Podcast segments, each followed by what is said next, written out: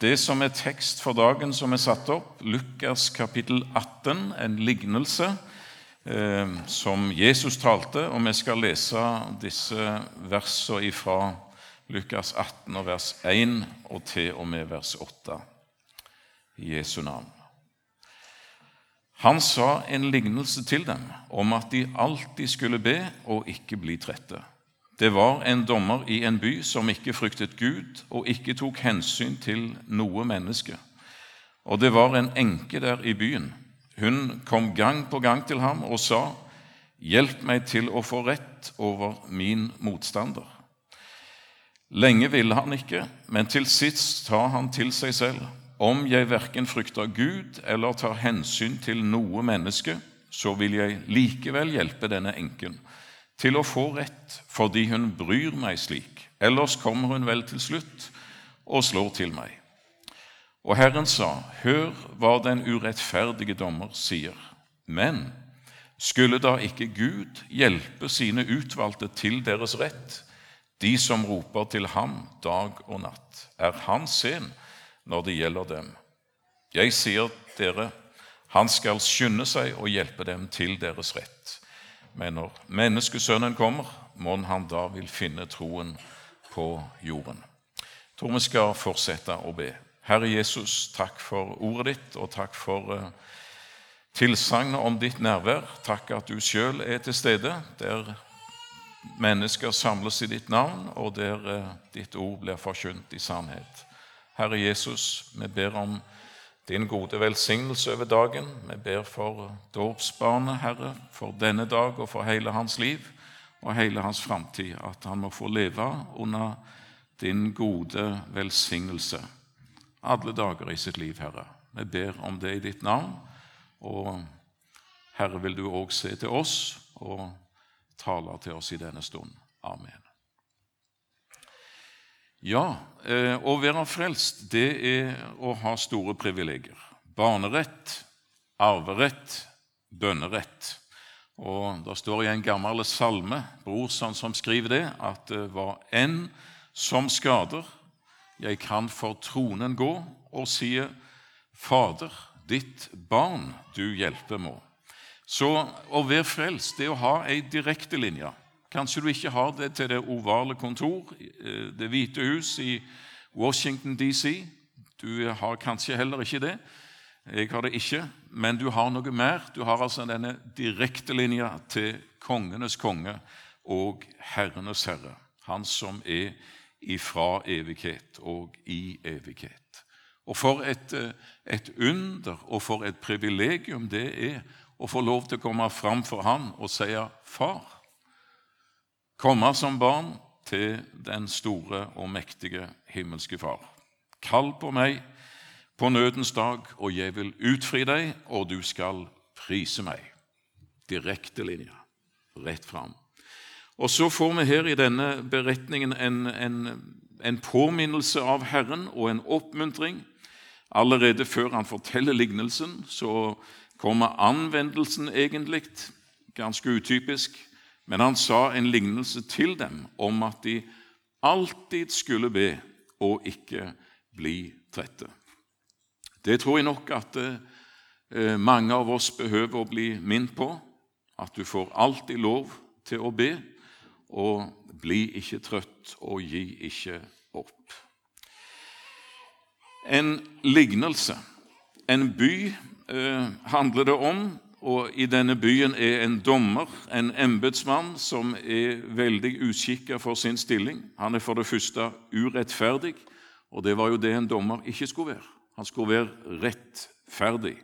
Men her har vi en korrupt embetsmann som egentlig bare tenker på seg sjøl og sin egen bekvemmelighet. Han er ikke opptatt av rett og galt. Han frykter ikke Gud, det er én sak, men han eh, tar heller ikke hensyn til noe menneske. Og det er klart at I den stillingen han har, så møter han alle slags mennesker og i alle slags forhold. Han ser mye nød, mye fortvilelse, mye som burde berøre ethvert eh, hjerte, som det var noe følelse i det hele tatt, men det er ingenting som rører ved denne mannen. Han er totalt likegyldig overfor andre mennesker. Så tårer og nød og fortvilelse og menneskelige tragedier, det preller av.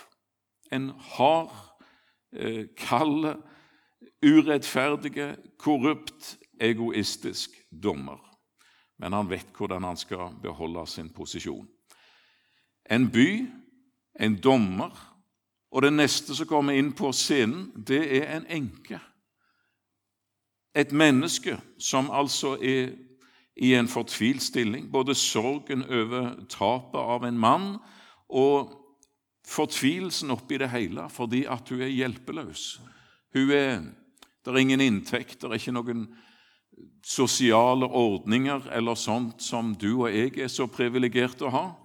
Eh, det var det ikke det på denne tida, selv om de samla inn Eh, fariseerne gjorde nå det da, og prøvde å ha et visst system over dette her. Men likevel, du var hjelpeløs. Du var overlatt til deg sjøl og til, eh, egen, til din egen skjebne. Og Det står jo f.eks. i andre kongebok kapittel 4 og vers 1, og det er ganske betegnende, om ei enke der som var en av Elisas sine disipler. og denne kvinna, denne enka, hun kommer til Elisa og sier at eh, 'min mann er død, nå kommer en som han sto i gjeld til, og vil ta begge sønnene mine til treller'. Det var sånn det var. Du var hjelpeløs, eh, og det var òg denne enka oppi det hele. Jeg husker jeg var på et møte i Salem for mange mange år siden. Eh, Jon Jøssang, legendarisk misjonær, talte, og jeg husker at han siterte en salme, god, gammel salme med vri i, eh, og litt ironi. Litt hans erfaring fra Tanganyika og til det velordna og strigla norske velferdssamfunnet med alle de goder det har. Og så siterte denne Jon Jøssang.: Sørg, o kjære staten, du, jeg vil ikke sørge. Ikke med bekymret hu om min framtidsbørge. Sørg du for meg all min tid, leste Jon Jøssang, sørg for meg og mine, stat allmektig, nådig blid, sørg for alle dine. Og Han mente jo det at eh, vi er blitt så sjølhjelpte.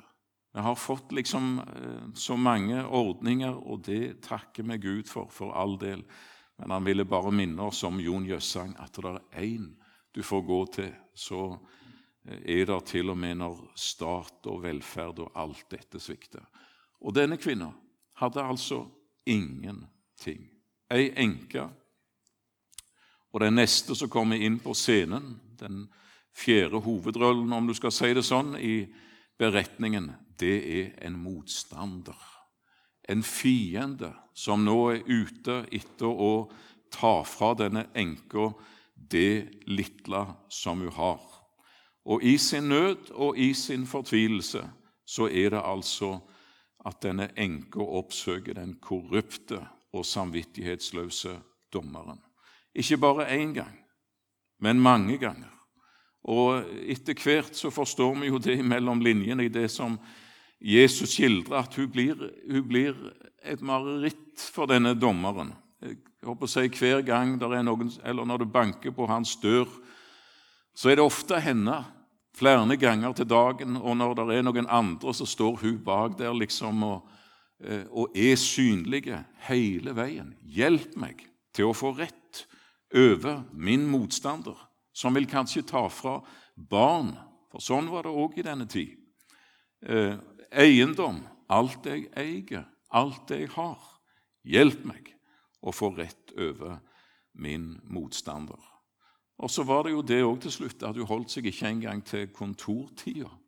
Men hun oppsøkte han ellers òg, på parkeringsplassen, holdt jeg på å si, når han endelig kunne lukke døra etter endt arbeid og være ferdig og rusle bort til ja, bilen, for å si det sånn og der står enka foran Teslaen og sier, 'Hjelp meg til å få rett over min motstander.' Han skyver henne til sides. Hold deg nå iallfall til, til arbeids- til kontortida. Men du vet hvordan det går. Så sitter han ved middagsbordet, eh, og så ringer det på døra. Og så sender han kona ut, og så sier hun det er en person som bare må snakke med deg. Ja, jeg bryr meg ikke. Jeg tar ikke hensyn til noe menneske. Nå er jeg fri. Punktum. Og Hun går ut og sier dette, og så står enka der med fingeren på dørklokka eller på alarmen, så det ringer og ringer og ringer. Hjelp meg til å få rett over min motstander. Dag og natt, sier Jesus, rett og slett. Dag og natt, så du kan se han for deg, denne urettferdige, korrupte og hensynsløse dommer. En, en natt under dyner der han sover de samvittighetsløses gode søvn. Fred og alt mulig. Og så er det uvær for alt jeg vet ute, og storm og regn imot vinduet og vind så uler rundt hushjørnet. Og der ligger han og sover i sin seng, og så plutselig så syns han våkner han til en lyd. En stein imot ruta. Hvem i all verden er ute ei sånn en natt som dette? Det gjentar seg, det er ikke bare en tilfeldighet. og Han går bort og åpner vinduet, og der nede står enka i sydvest under en vrengt paraply i vindkasta og hun roper 'Dommer, hjelp meg til å få rett over min motstander'. Er du blitt sprø? Har det klikka totalt for deg? Nattestid. La meg få sove i fred. Og han kryper under dyna og trekker den over seg, og så hører han steinen imot vinduet. Skal hun aldri gi seg denne dama. Og det er da den urettferdige dommer sier at jeg er nødt til å gi meg. Om jeg ikke frykter Gud, og om jeg ikke bryr meg om noe menneske, så er jeg litt redd for denne enka. For hva kan du finne på? Det ender vel at du kommer og, og deiser til meg med håndveska. Ellers kommer hun vel til slutt og slår til meg, sier han i vers 5. Så han kapitulerer, og han resignerer, og han gir seg. Og han hjelper denne enka til å få rett over sin fiende, sin motstander. Behold huset. Du skal få ha barna dine. Jeg gidder ikke dette her mer. Og Herren sa, hør hva den urettferdige dommer sier, han som ikke hadde samvittighet eller noe ting, men som til slutt ga seg på grunn av ei enke som nekta å resignere og nekta å gi seg. Sånn er ikke Gud. Det er jo ikke det som er saken. Dette er jo en, en ant, et antieksempel, et moteksempel. Han sier når, når til og med en urettferdig dommer eh, bevilger og, og svarer på denne bønnen, hvor mye skulle da ikke Gud, Han som er god, Han som er rettferdig, Han som vil sine barn det aller, aller beste, skulle da ikke Gud hjelpe sine utvalgte til deres rett? De som roper til ham dag og natt, er han sen når det gjelder dem. Jeg sier dere, han skal skynde seg og hjelpe dem til deres rett. Men når menneskesønnen kommer, mon han da vil finne troen på jorden. Og Det er vel meget sannsynlig at eh, de bibeltolkere er inne på et, eh, et eh, rimelig og rett spor, de som forstår dette ordet, altså når menneskesønnen kommer. Mon han da vil finne troen på jorden? Vil han finne denne, denne her vedholdende, denne pågående bønn, altså dette å holde ut i bønn og ikke bli trøtte og ikke resignere? Vil han finne denne, eh, denne trosbønn, denne vedvarende bønn, på jorden? Det er den sammenhengen det står i. Vi vet at Jesus i Getsemane så eh, ba han tre av sine disipler om å være med ham og våke i bønn. Men de sovna. De sovna på post, og han måtte vekke dem én gang og to ganger, og den tredje gangen til og med. Det er fort gjort å sovne på post.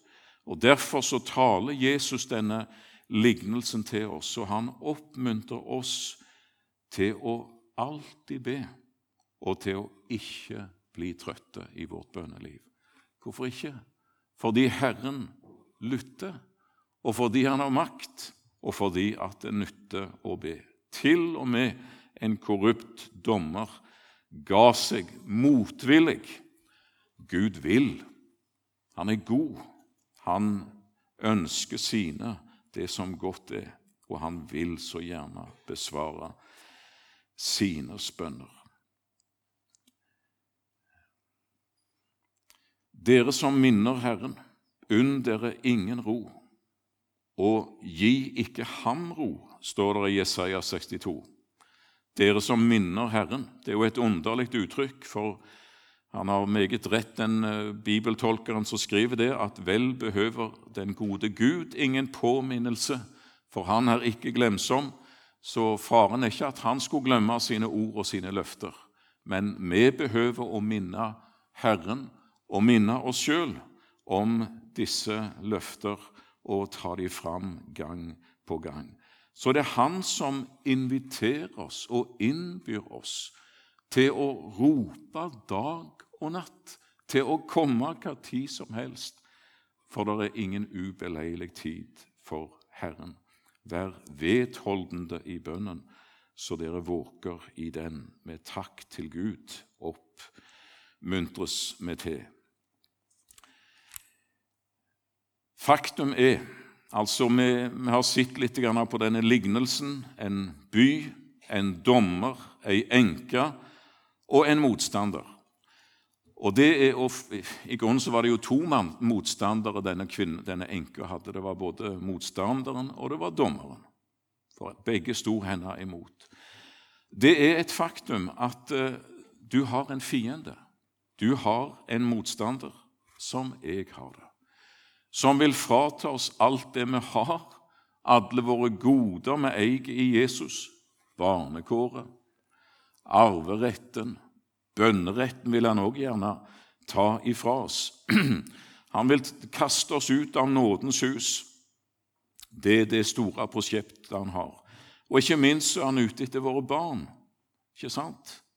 til å gjøre de til sine slaver. Han vil ha alt, denne fiende, og han unner ikke Herren noe, og han unner heller ikke deg eh, å eie den rikdom Gud har gitt deg i Kristus.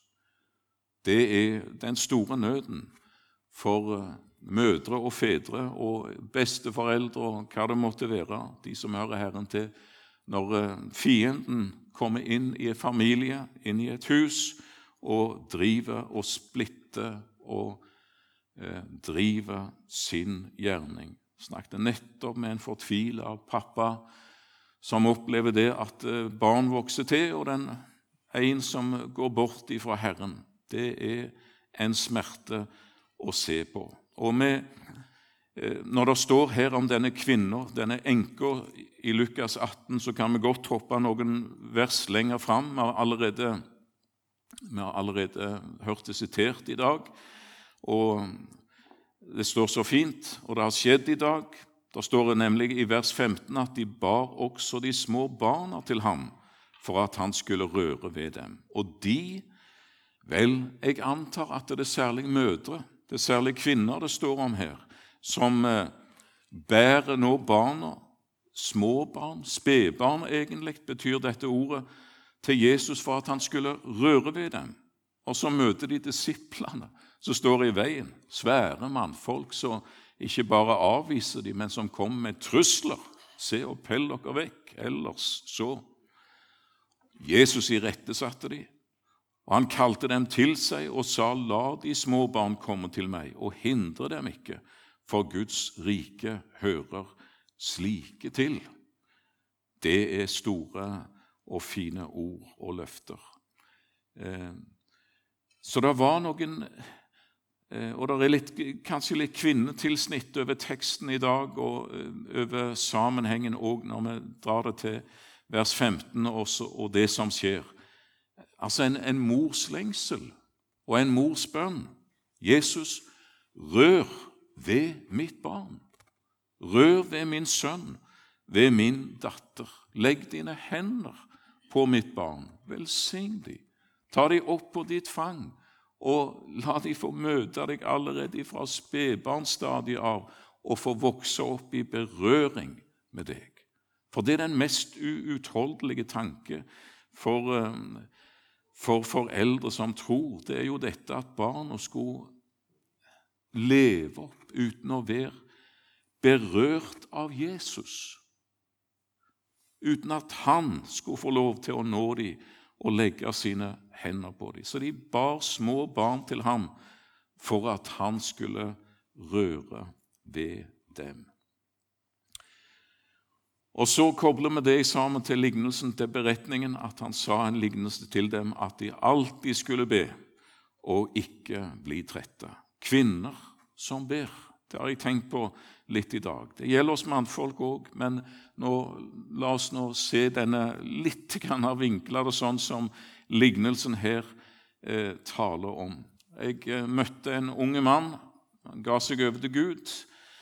Og han sa det sånn at det, det var egentlig ikke så stas.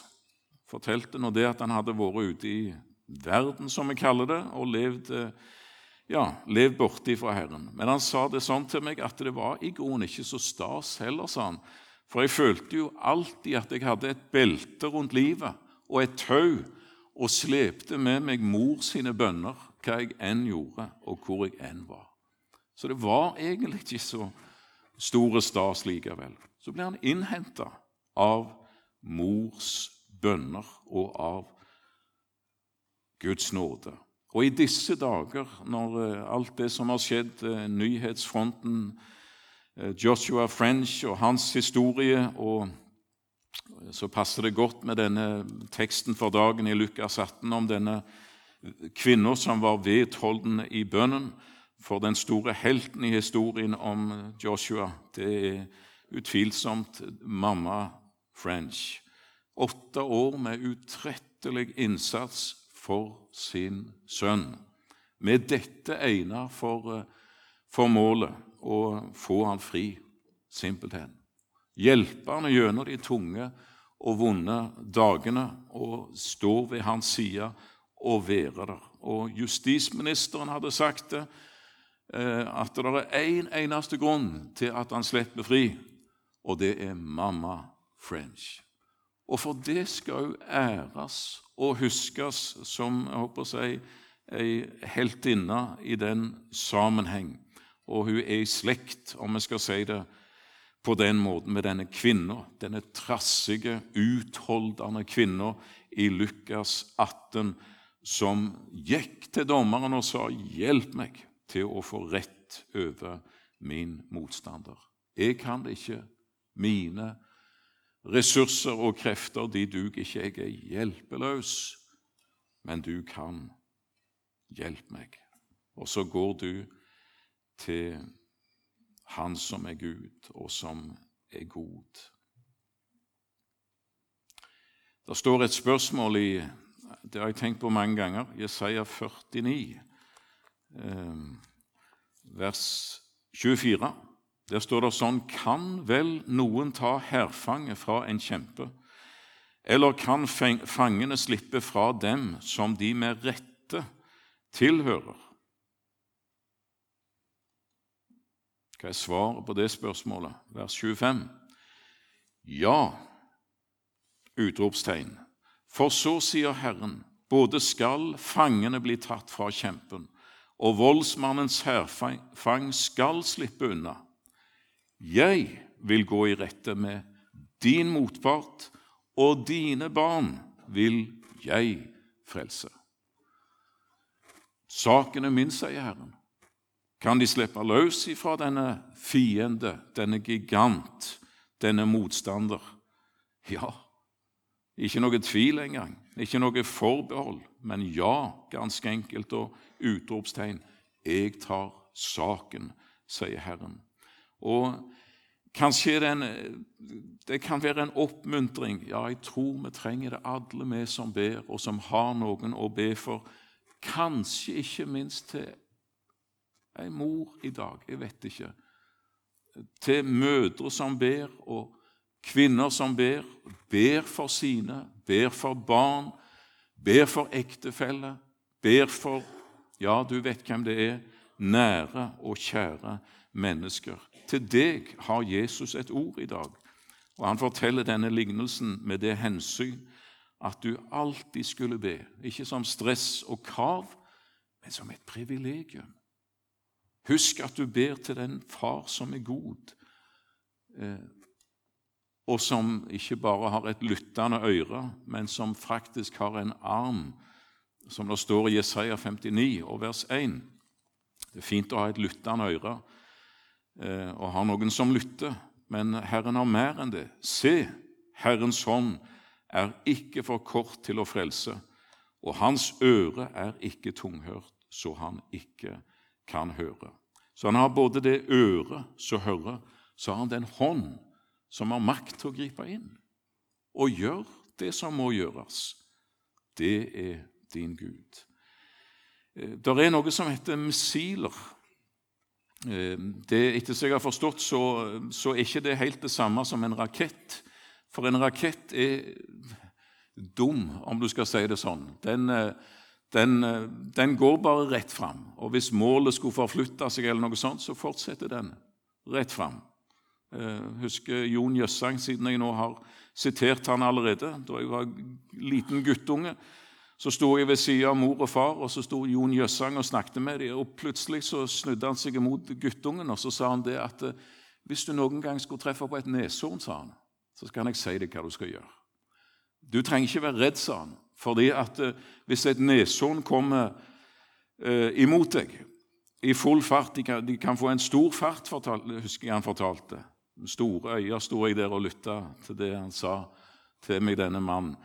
Det du skal gjøre, sa han, det er når neshornet kommer ganske nær, så tar du bare et skritt til sida. For det klarer ikke å snu. Så det bare fortsetter i en susende fart forbi.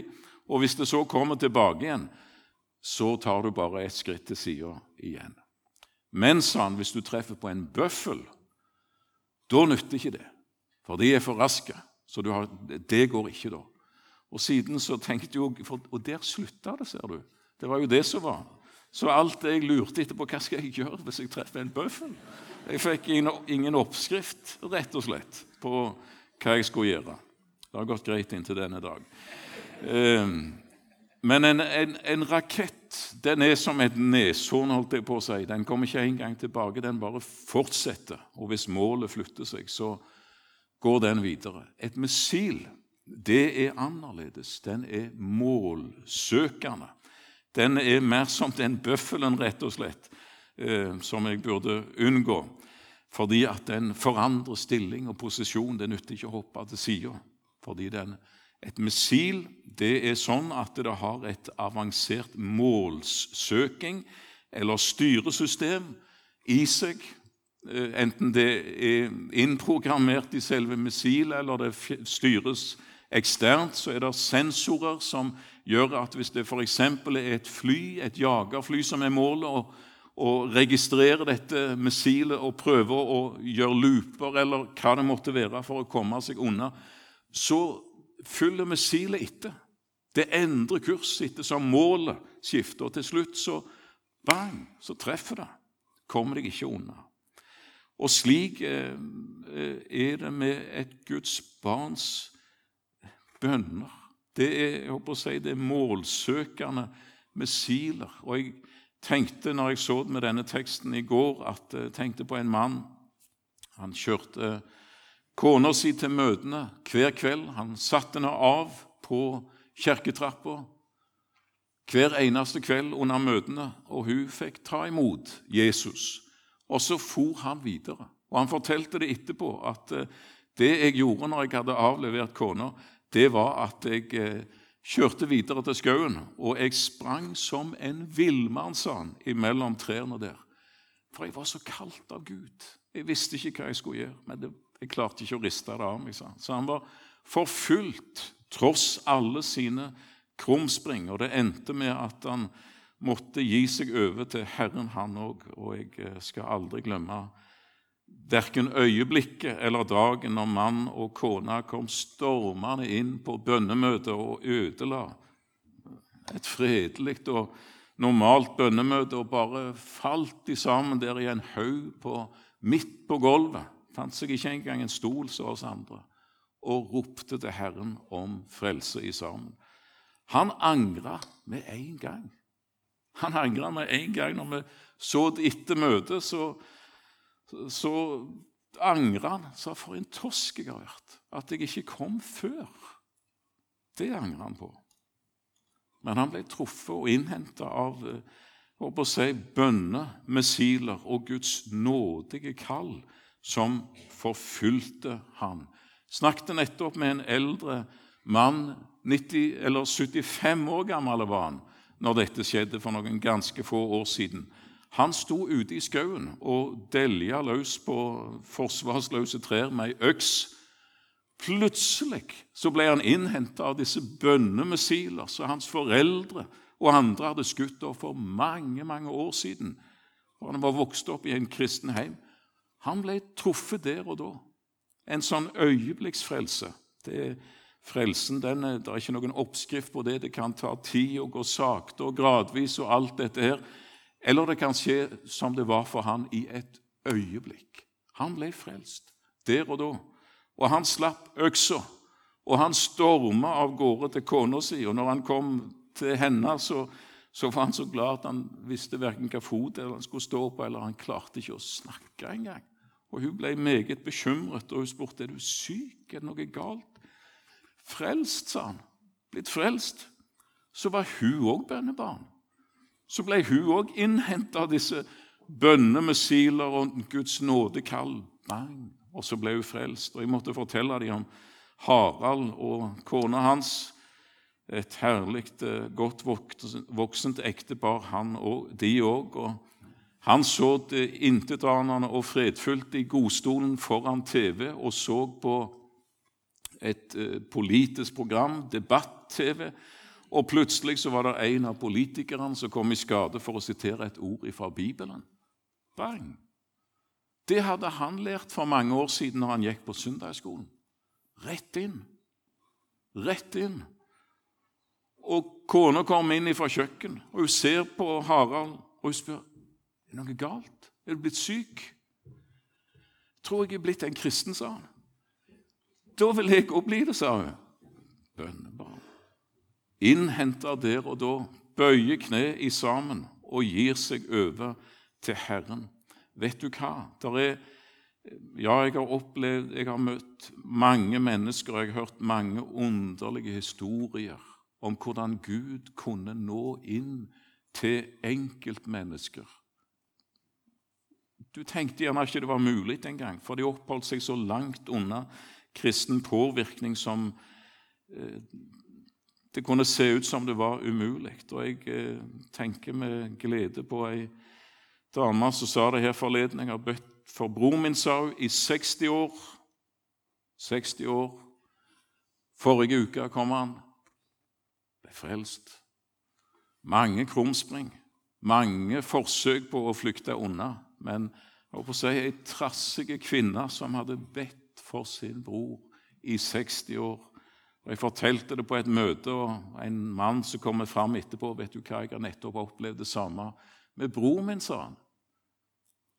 Over 80 år nå. Ikke vil tatt mye med oss å gjøre. Flytta til en helt annen kant av landet, distansert seg fra kristendom og alt. Telefon. Kan du hjelpe meg til å få fred med Gud? Over 80 år gammel. Jeg har bedt for han hver dag, sa han. Vet du hva? Eh, det nytter å be. Eh, av og til så sier vi det at vi, vi kan, eh, vi kan visst bare be, og så høres det ut som det er aller siste utvei, og at det er når alt annet er gjort. Vet du hva? Det nytter å be, og det er en oppmuntring fra Herren, kanskje spesielt til mødre. Jeg vet ikke til ei mor som trenger det, men til oss alle sammen. Det var, sier Jesus, en by og en dommer og ei enke og en motstander. Og sånt endte det. Og la dette være en, en oppmuntring, sier Herren, til at du alltid skal be og ikke bli trøtt. Det kan ta tid. Du opplever det sånn når du roper dag og natt til Herren, og du ser ingen forandring. Men Herren hører, og han er fremdeles underets Gud, og han tar din sak. Og du skal få lov til å be om det fremdeles, at de, å bære dine barn Kanskje de ikke er spedbarn lenger, ikke små barn lenger, men du får lov til å fortsette å bære dem fram til Herren og se, si 'Rør ved dem, Jesus'. Rør ved dem, berør dem, møt dem der de er. Hent dem inn, du som er allmaktens Gud. Herre Jesus, det er vår bønn, og det er ditt hjerte. Det vet vi. Det er ingen som ønsker så inderlig menneskers frelse som du gjør det. Og så kjenner du oss som her er samla i denne stund, og du vet både om mødre og fedre. og eh, Ja, du kjenner den enkelte. Herre Jesus, takk for at eh, du er den du var, og at ditt ord har den samme kraft og gyldighet og autoritet òg i dag. Vi priser deg for det. Så ser du våre Jesus, vi legger de fram for deg og ber både om bevarelse og om frelse, Herre, for de som ennå ikke er funnet av deg. Herre, vi ber i ditt navn. Kanskje vi skal være stille bare et, et par minutter, og så kan du legge fram for Herren de og det som er på ditt hjerte. Et lite, en liten stund med stillhet og bønn til Herren.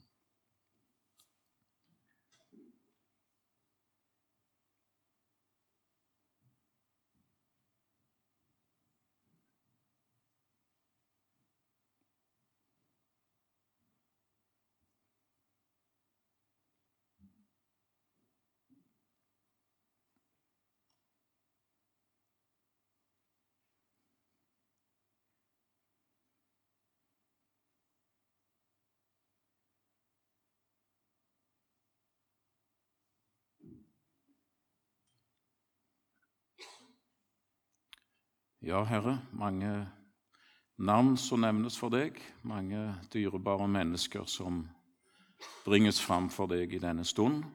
Herre, rør ved den enkelte av dem. Vi ber i ditt navn. Amen.